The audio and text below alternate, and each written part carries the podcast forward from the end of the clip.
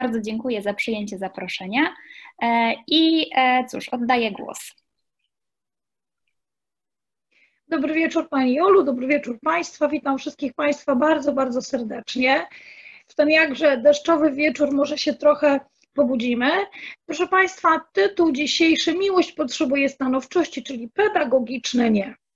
Dlaczego właśnie taki tytuł? On zrodził się tak naprawdę z rozmów z Państwem, z wielu konsultacji z rodzicami, nauczycielami, dyrektorami, bo otóż okazuje się, że my dzisiaj w tej przestrzeni relacyjnej zaczynamy się gubić, szczególnie wtedy, kiedy, e, proszę Państwa, jesteśmy rodzicami, jesteśmy dorosłymi i mamy w naturalny sposób kształtować osobowość i tożsamość naszych dzieci, a w aspekcie pedagogiki naszych wychowanków. My się tej, tej bardzo boimy, to znaczy zapomnieliśmy o jej istocie. I stanowczość kojarzy nam się z czymś negatywnym, z czymś, czego się boimy, z przemocą, z przemocą symboliczną. Tymczasem y, proszę zwrócić uwagę, że nasi dziadkowie, nasze babcie, nasi rodzice, często ludzie y, bez wykształcenia, y, często ludzie bez wykształcenia pedagogicznego wiedzieli, czym jest stanowczość, znali jej istotę i wiedzieli, jak bardzo, bardzo jest potrzebna. Dzisiaj E, lęk przestrzeni edukacyjnej przed stanowczością jest tak duży, że jako rodzice i pedagodzy po, pozwalamy czasem na bardzo, bardzo wiele, byle tylko stanowczym nie być. E, proszę Państwa, przeczytałam ostatnio świetny artykuł, w którym e, jeden z psychologów wskazuje na trzy rzeczy, które są nam potrzebne, niezbędne. Oczywiście jest ich na pewno więcej, ale te trzy rzeczy to ludzie, czas dla siebie i zdrowie. Proszę Państwa, spotkania z ludźmi w przestrzeniach relacyjnych również, w których, różnych, w których się mm, spotykamy, w każdej relacji, każda relacja, czy to jest relacja mama-dziecko, partnerska, zawodowa, przyjacielska, potrzebują stanowczości. Zaraz sobie powiemy o tym, czym jest ta stanowczość, dlaczego jest taka ważna, jaką odgrywa rolę co nam daje, a może coś zabiera. Otóż przygotowując się do spotkania z Państwem, zajrzałam do słownika i tam znalazłam 253 y, synonimy słowa stanowczość. Oczywiście nie będę zanudzać i nie będę ich czytać, natomiast pozwolą Państwo, że przytoczę kilka, żebyśmy zapoznali się, przypomnieli, czym jest stanowczość. Y, stanowczość to umiejętność podejmowania kategorycznych decyzji. To ktoś, kto jest pozbawiony wahań i możliwości. To ktoś, kto zdecydowany, pewny siebie, ktoś, kto ostatecznie o czymś decyduje. Proszę wyobrazić sobie, że mamy właśnie takiego szefa w pracy. Przy okazji pozdrawiam władze mojej uczelni, które właśnie takie są.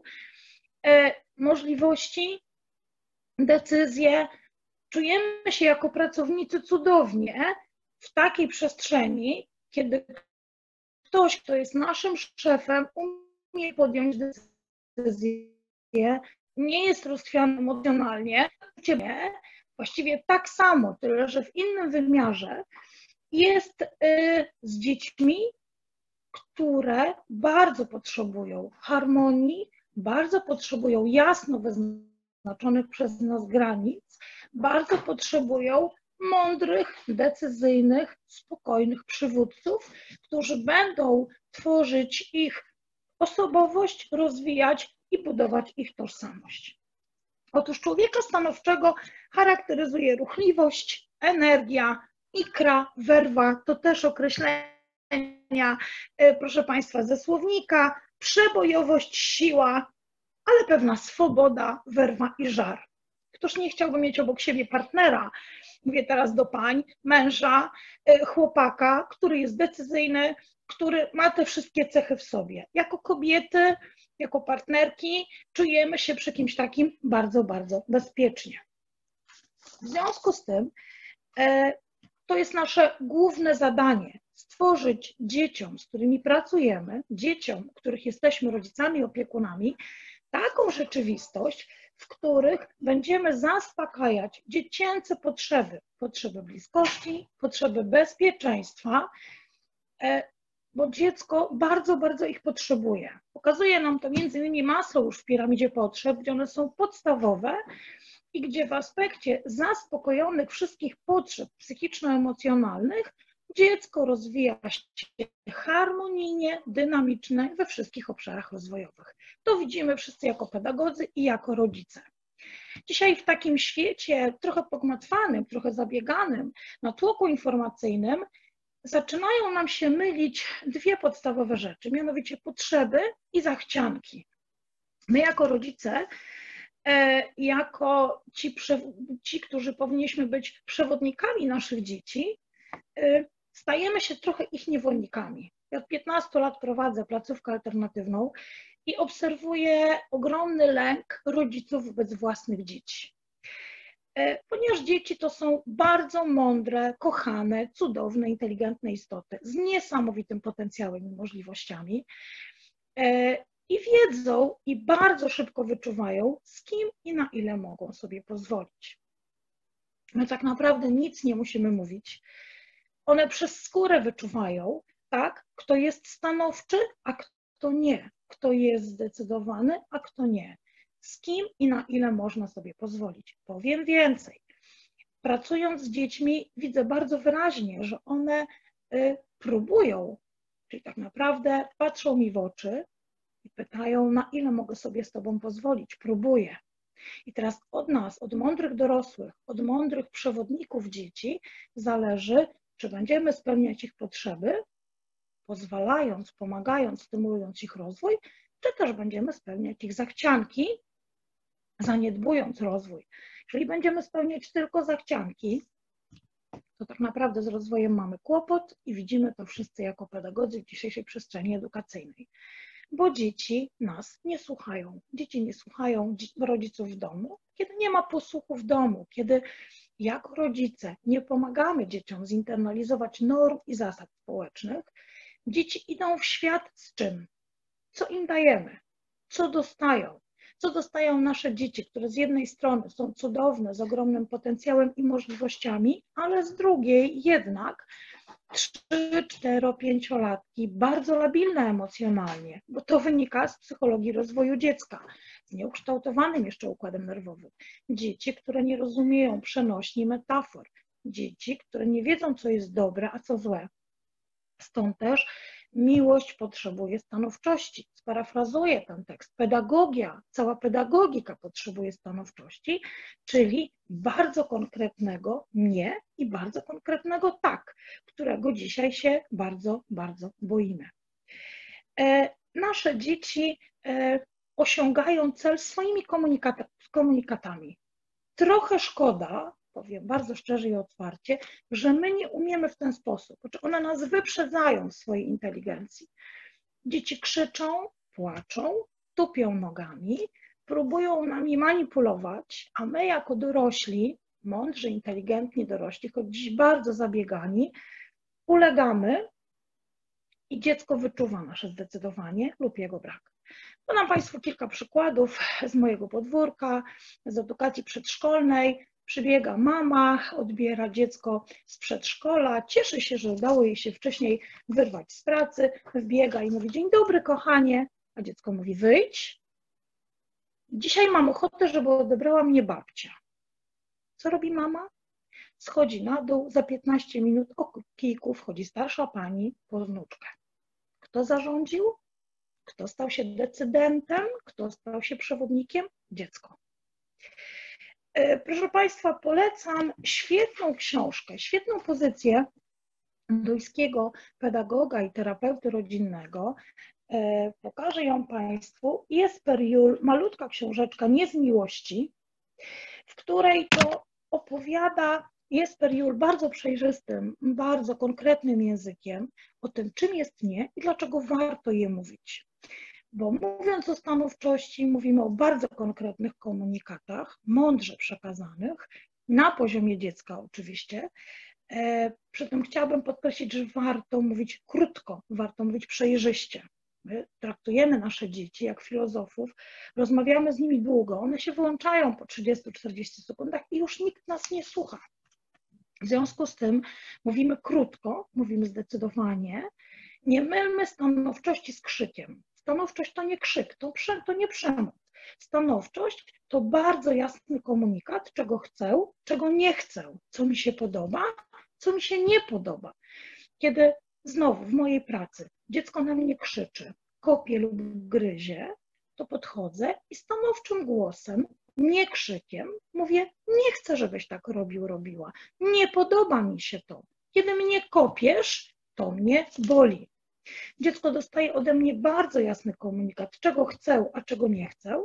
Bardzo jasny komunikat w aspekcie moich oczekiwań.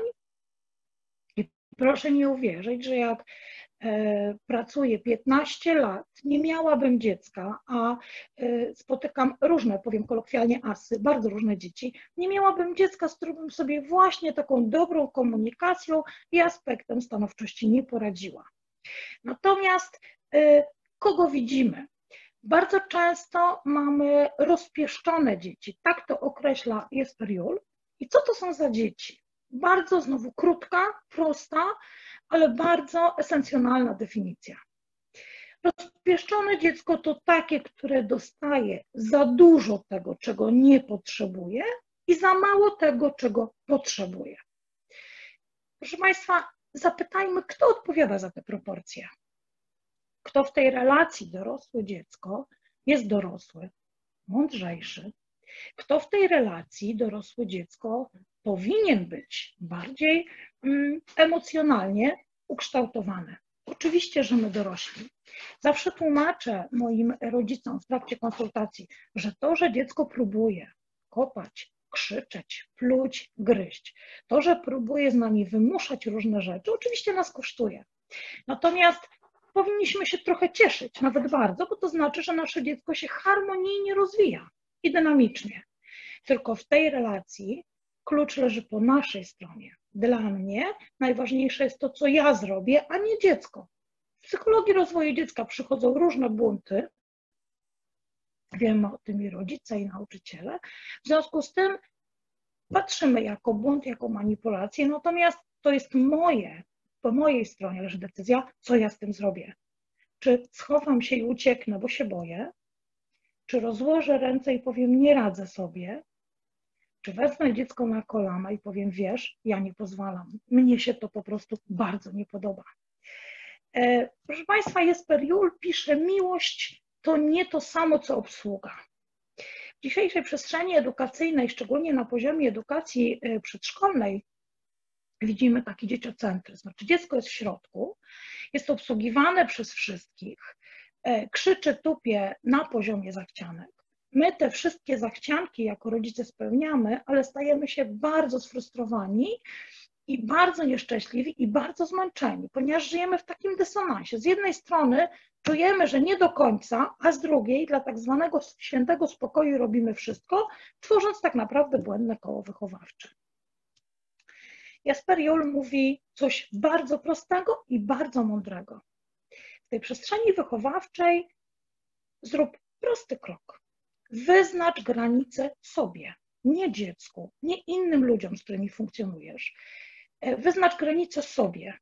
Znaczy powiedz bardzo jasno ludźmi, z którymi żyjesz, czy mamy przestrzeń. Ja będę odnosiła się często do tej przestrzeni edukacyjnej, ponieważ tutaj do tego jest mi najbliżej. Natomiast pracując ze studentami, będąc w rodzinie, będąc mamą, żoną, tak, będąc e, przyjacielem, znajomym, odnosi się do tych wszystkich przestrzeni.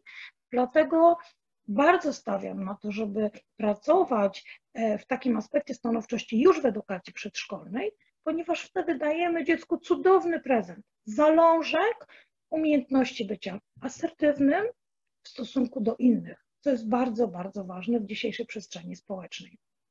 Więc mówimy dziecku bardzo jasno, stając w prawdzie ze sobą. Jeżeli nie chcę teraz się bawić z dzieckiem, bo jestem zmęczona, to nie bój się tego powiedzieć. Powiedz prosto, kochanie, jestem bardzo zmęczona, daj bardzo jasny komunikat, odpocznę, za godzinę się z tobą pobawię. Dziecko to zrozumie, a ty odpoczniesz się za godzinę wypoczęta, zrelaksowana, pójdziesz się do dziecka pobawić. W przeciwnym wypadku ono teraz chce, ty pędzisz, jesteś sfrustrowana, zmęczona, wszystko cię denerwuje i tak naprawdę rzucony gdzieś klocek czy rzucony papierek wywoła reakcję, która jest tak naprawdę nieadekwatna, nieadekwatna zupełnie do sytuacji. Dzieci rozwijają się cudownie, harmonijnie, czują się bezpiecznie właśnie w tych granicach, kiedy rodzic bardzo jasno mówi od do. Chcąc sprawdzić e, te teorie w e, Ameryce, kiedyś zrobiono bardzo prosty eksperyment. Mianowicie e, dzieci były w przedszkolu, przedszkole oczywiście miało plac i było otoczone płotem. Więc obserwowano dzieci, kiedy wychodzą na plac zabaw. Dzieci bawiły się w różnych miejscach, na huśtawkach, na ślizgawkach, w piaskownicy, stały w grupach z dziećmi, z którymi się przyjaźniły, były rozproszone po całym podwórku. I w pewnym momencie zdjęto płot. Dzieci zorientowały się, że nagle zrobiło się niebezpiecznie, ponieważ może wejść kot, pies, wejść jakaś obca osoba, nie daj Boże wjechać samochód. Zaobserwowano, że dzieci zbiły się w gromadę wszystkie i stanęły na środku. Zrobiło się niebezpiecznie. Podobnie bardzo jest w wychowaniu, podobnie jest w pedagogii. Dzieci czują się bezpiecznie, kiedy mają granice, bardzo jasne, wyznaczone normy i zasady, oczywiście zaspokojonych potrzebach bliskości i bezpieczeństwa. Czyli bardzo jasny komunikat, jestem stanowcza wobec moich dzieci. Kocham Was, ale na to i na to się nie zgadzam. Bardzo lubię, kiedy robisz tak i tak, nie lubię, kiedy zachowujesz się inaczej. To są bardzo, bardzo konkretne przykłady i bardzo krótkie komunikaty. Dziecko nie rozumie, kiedy opowiadamy bardzo, bardzo długo. Podobnie, e, bardzo podobnie jest wtedy, kiedy rośniemy, dorastamy e, i wchodzimy w związki. W związku komunikacja jest bardzo, bardzo ważna. I teraz w sytuacji, kiedy ja nauczyłem się być stanowczym, umiem być asertywnym, umiem powiedzieć, wiesz, to mi się nie podoba, a to mi się podoba. To są czasem bardzo proste rzeczy. Proszę Państwa, kwestia rozwodów, kiedy się rozmawia z ludźmi, mm, z małżeństwami, to okazuje się, że oni się kłócą o brudne skarpetki. On myślał, ona nie wiedziała, a on nie wpadł, ona też nie wpadła. Tak? Brakuje nam komunikacji i tych krótkich komunikatów, kiedy mówimy o tym, żebyś wrzucił brudne skarpetki do, do prania, to, są, to jest zmora wszystkich naszych pań, do kosza na brudną bieliznę, tak? Chciałbym, żebyś częściej się uśmiechała, lubię, kiedy robisz mi kolację, chciałabym i tak dalej, i tak dalej. Tylko, że zalążek tych umiejętności to jest edukacja przedszkolna. To jest właśnie ten moment, kiedy przychodzą do nas małe dzieci i my ich tego uczymy. Państwa, Jasper Jul mówi, że tylko wtedy możemy mówić szczerze tak do innych i do siebie, kiedy jesteśmy y, także w stanie szczerze powiedzieć nie. A my się tego nie boimy, bo my strasznie chcemy być tacy dobrzy, tacy fajni dla wszystkich. Chcemy zasłużyć na szacunek, chcemy zasłużyć na miano bycia cudownymi, wspaniałymi i najlepszymi rodzicami i takimi bądźmy tylko bądźmy mądrymi rodzicami. Sparioli mówi, że mądrzy rodzice to silne dzieci. Przecież każdy z nas, jako rodzic, chce wychować silne dzieci, które poradzą sobie w przestrzeni społecznej.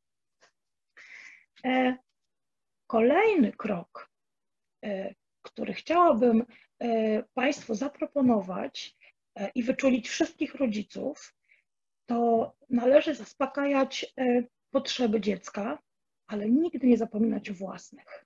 To kolejny problem, z którym się na co dzień zmagamy w wyniku braku stanowczości.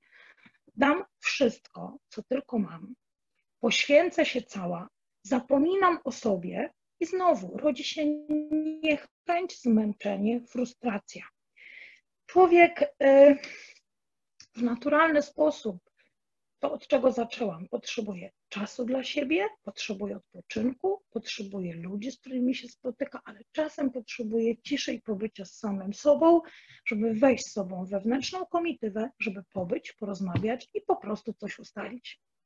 W związku z tym nie bójmy się, e, nie bójmy się zaspokajać własnych potrzeb, one są naturalne i wszystkim nam potrzebne. Kiedy rodzice często przychodzą i mówią, Pani Aniu, my sobie nie radzimy, Pani Aniu, krzyknęłam na dziecko, Pani Aniu, zwróciłam uwagę, to zawsze mówię, że jeżeli kochasz swoje dziecko i chcesz dla niego jak najlepiej i dajesz mu tysiąc szans, to sobie jako rodzicowi zawsze daj sto pierwszą.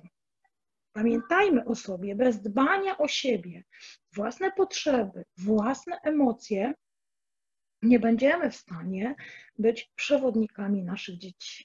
To jest bardzo, bardzo, bardzo ważne. Dlatego e, ja raz e, w roku zapraszam wszystkie mamy 8 marca do siebie. Zapraszam wizerzystkę, która to jest cudowny wieczór, pijemy kawę, jemy ciasto, odpoczywamy, rozmawiamy. Wizerzystka maluje mamy, one się czują piękne, atrakcyjne, mądre, tak? I często jak wtedy rozmawiamy, mówią, Pani Aniu, nie pamiętam, kiedy poświęciłam chwilę sobie, bo dziecko, bo dom. Kochaj dziecko, kochaj męża, dbaj o dom, ale nigdy nie zapominaj o sobie. Kolejny aspekt w, taki, w takim wymiarze komunikacyjnym to elementy języka, które tworzą e, i są determinantem naszych przekazów. Mianowicie stanowczość potrzebuje pewnych zmian. To znaczy, kiedy mówimy stanowcze nie, to musimy zmienić tembr głosu, ton głosu. To nie może być tak, że my się właśnie tak bardzo boimy, że tym samym tonem i tembrem mówimy kocham Cię Jasiu i tym samym tonem i używając tego tembru głosu mówimy nie rób tak Jasiu. Jasiu nie zrozumie. Jasiu jest małym dzieckiem. Ja się potrzebuję zmiany. Kiedy mówię kocham Cię Jasiu, to mówię właśnie ciepłym, spokojnym językiem i jeszcze przytulę, ale kiedy mówię nie chcę Jasiu, żebyś tak zrobił, mnie się to nie podoba, to dokładnie tak to zmieniam. Dziecko musi poczuć zasadniczą różnicę. Nie krzycz, podnieś głos i nie bój się podniesionego głosu. Ten podniesiony głos informacji jest informacją dla dziecka, że coś się dzieje, coś się zmieniło. I w nim też musi coś zmienić. I, tylko wtedy nastąpi taka zmiana, jeśli będziemy dla dzieci prawdziwi i wiarygodni. Bo jeśli dzieci wyczuwają nas cudownie, jeśli we mnie się wszystko buzuje i gotuje, jestem wściekła, a zwracam uwagę ciepłym, miłym głosem, to tak naprawdę jestem niewiarygodna. I w dziecku tak naprawdę e, dziecko wyczuwa pewien sprzeciw, jakąś sprzeczność. Tak? Jest właśnie tu przecież przez dzieci. To nie tylko to, że dzieci odczytują nasze komunikaty werbalne, ale też wszystkie niewerbalne. W związku z tym dziecko wyczuwa. Dziecko chce, żebyśmy byli prawdziwi, wiarygodni, żebyśmy mówili, żebyśmy umieli powiedzieć nie, nie zgadzam się. Pamiętajcie Państwo, że mówiąc nie, nie zgadzam się, nie, nie chcę, dajemy dziecku kolejny prezent. Jeżeli my powiemy mu nie, nie chcę, nie pozwalam, to ono kiedyś w przyszłości komuś, kto przekroczy jego integralność, komuś, kto przekroczy jego granice, też będzie umiał powiedzieć nie, nie chcę, nie pozwalam. Kobieta, która wybierze partnera, który będzie chciał podnieść na nią rękę albo będzie ją poniżał, tupnie nogą i powie nie, nie chcę, nie pozwalam. Zobaczcie Państwo, jaki to ma wymiar przyszłościowy, tak właściwie na całe życie. To jest taki bardzo holistyczny układ. Wiem, kim jestem, wiem, na co zasługuję, wiem, czego chcę i wiem, czego nie chcę, umiem to wyartykułować i w związku z tym wchodzę w przestrzeń relacyjną, pewna siebie, zdecydowana, z bardzo jasnym przekazem dla ludzi, z którymi pracuję. No więc spójrzmy, co nam ta stanowczość daje co daje mnie jako nadawcy? Daje, e, wyznaczam bardzo jasną granicę, daje bardzo, bardzo jasny komunikat, tak, że moje granice są tutaj i dalej nie pozwalam ich przekraczać. To jest bardzo jasny komunikat. E, dalej pozwala mi włączyć hamulec, wszystkim dookoła, z którymi współpracuję, żyję, jestem. Tak jak jedzie samochód, jest czerwone światło, samochód się zatrzymuje, tak moja umiejętność bycia stanowczym staję się takim czerwonym światłem dla ludzi, z którymi jestem w przestrzeni relacyjnej. Mówię nie i oni odczytują to czerwone światło jakby z automatu. Czasami nawet nie muszę mówić, czasami to jest przekaz niewerbalny, postawa, spojrzenie, jeden gest i ludzie już wiedzą, na co się zgadzam, a na co nigdy się nie zgodzę. Więc wyznaczam sobie granice i w związku z tym nie mam żalu, nie mam frustracji, nie jestem nieszczęśliwa, bo jestem prawdziwa, prawdziwa z sobą, ze swoimi oczekiwaniami, prawdziwa w swoich przeżyciach, yy, prawdziwa w tym, czego chcę, czego nie chcę, tak? W związku z tym żal, niepotrzebne emocje, które towarzyszą e, wtedy, kiedy jestem nieprawdziwa, kiedy robię coś, bo trzeba, tak mi się wydaje, mm, one po prostu znikają, a we mnie zostaje przekonanie, że jestem w porządku, że jestem ok. Psychologowie często mówią, że to jest taki rodzaj oczyszczenia i wolności, tak? Poszła, powiedziała z głowy, tak? Natomiast jeśli chodzi o odbiorcę, to on oczywiście też dostaje od nas cudowny prezent, dlatego że dostaje bardzo jasny, przejrzysty komunikat. Nie musi już myśleć, dostaje jak na tacy, czego chce i czego nie chce, tak? E, ten komunikat mm, daje też taki e, obraz, na co nigdy się nie zgodzę. Jakbym zrobiła markerem czerwoną linię i powiedziała, poniżej tej linii nigdy nie zejdę. I ten przekaz jest bardzo jasny i bardzo, bardzo przejrzysty. Oczywiście znowu wpływa na całe przyszłe życie. Nie pozostajemy na poziomie edukacji przedszkolnej czy wczesnoszkolnej, idziemy w świat i znowu spotkanie z mężem, żoną, partnerem, teściową, przyjacielem, szefem, z kimkolwiek e, mnie daje wolność, swobodę i spokój, ludziom bardzo przejrzysty komunikat, ja staję się autentycznym, staję się prawdziwym, staję się po prostu szczęśliwym człowiekiem.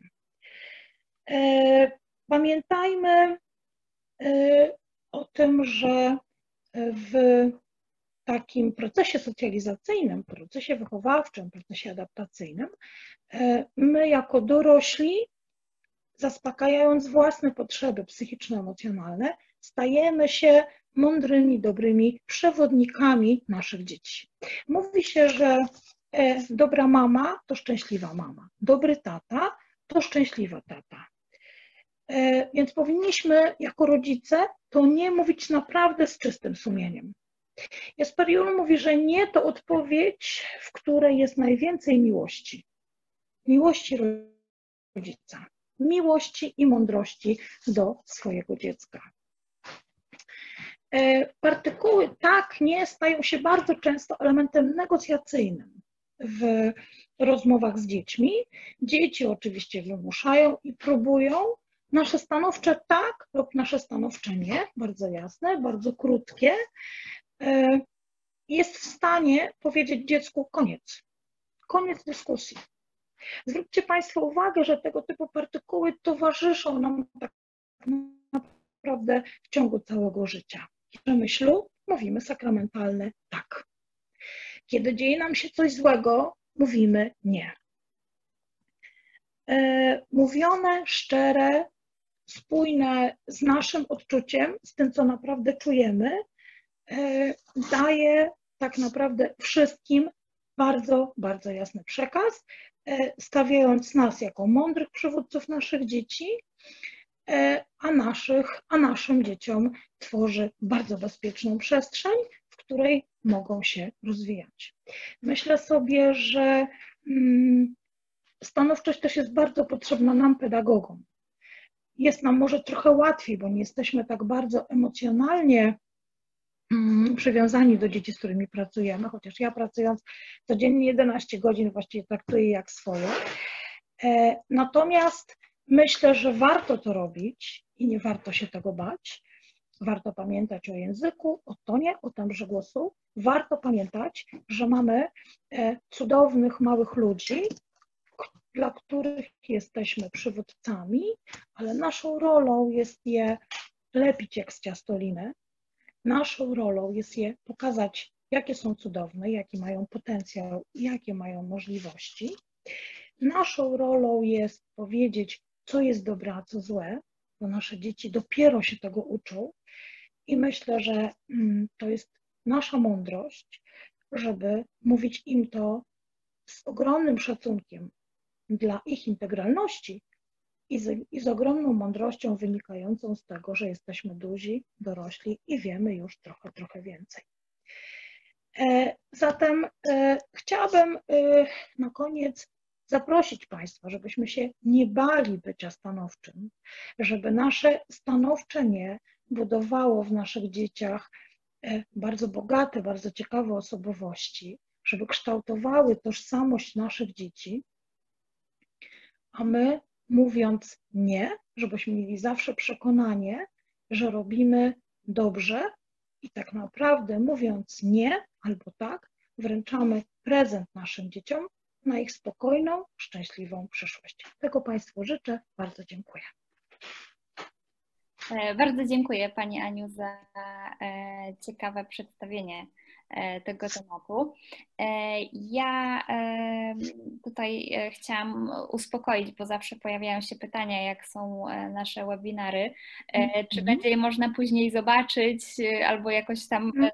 wysłać nagranie, więc ja od razu wszystkim przekazuję informację, że tak, będzie można je sobie później odtworzyć. Już dzisiaj po zakończeniu naszej transmisji na żywo będzie ono dostępne na naszym profilu facebookowym. E, a dodatkowo też e, odsyłam do naszego kanału na YouTubie Ateneum Szkoła Wyższa, bo tam też e, wrzucamy wszystkie nagrania z dotychczasowych webinarów, aktualizujemy na bieżąco. Także, także jeżeli ktoś jeszcze będzie chciał wrócić do czegoś, coś sobie przypomnieć, to, to jest taka szansa. Przy okazji też, e, jeżeli ktoś e, zainteresował się tym dzisiejszym tematem, chciałby się może z Panią Alenią też spotkać na naszych zajęciach, e, to przypominam, czy też informuję, że rekrutacja na studia pierwszego i drugiego stopnia oraz na studia podyplomowe cały czas trwa, także spokojnie macie jeszcze troszkę czasu. Zapraszamy. Na pewno do końca września mm, możecie się e, zapisywać, a jak ktoś jeszcze na początku października się zdecyduje, to, to też, e, też zapraszamy. Możecie, możecie się tutaj e, z nami kontaktować mailowo, telefonicznie, jak jest tutaj widoczne, mm, ale też jeżeli wolicie kontakt przez Instagram lub przez Facebooka, to tam również jesteśmy i zapraszamy do kontaktu. I jeszcze przypominam, o naszym konkursie, e, o którym też wspominałam e, podczas poprzedniego webinaru, to jest e, konkurs na wakacyjne zdjęcia. Jeszcze mamy chwilkę wakacji, więc jeszcze jest czas, żeby to zdjęcie zrobić. Wystarczy zrobić sobie jakieś zdjęcie z widocznym hashtagiem Ateneum na wakacjach i je opublikować na Facebooku lub na Instagramie i nas oznaczyć, a my później będziemy wybierać i trzy najlepsze zdjęcia e, zostaną e, nagrodzone. E, osoby, które właśnie takie zdjęcia najlepsze wykonały, dostaną opaskę fitnessową oraz voucher na usługi edukacyjne do wykorzystania w Ateneum. Także jeszcze przypominam o tym, że ten konkurs trwa i zapraszam do udziału. Pani Aniu, tutaj jeszcze na Facebooku pojawił się komentarz z prośbą o podanie tytułu e, książki, który, z której Pani korzystała? Mhm. Tytuł książki Nie z miłości. Jest Perajula. Dobra, to ja jeszcze też później e, w komentarzu tutaj pod naszą mhm. transmisją też wrzucę, żeby, e, żeby każdy mógł sobie do tego w dowolnym momencie wrócić. To cóż, bardzo dziękuję za dzisiejsze mhm. spotkanie jeszcze raz. E, I też zapraszam e, naszych widzów już na kolejne spotkanie z serii Ateneum Online, które odbędzie się 1 września. E, to jest najbliższy wtorek o godzinie 19, tak jak to było do tej pory. Temat to ekonomiczne uwarunkowania sportu, który przedstawi wybitny specjalista w tym zakresie dr Tomasz Grabski. Bardzo serdecznie zapraszam. I cóż, Pani Aniu, jeszcze raz bardzo, bardzo dziękuję i do zobaczenia. Pozdrawiam. Dziękuję.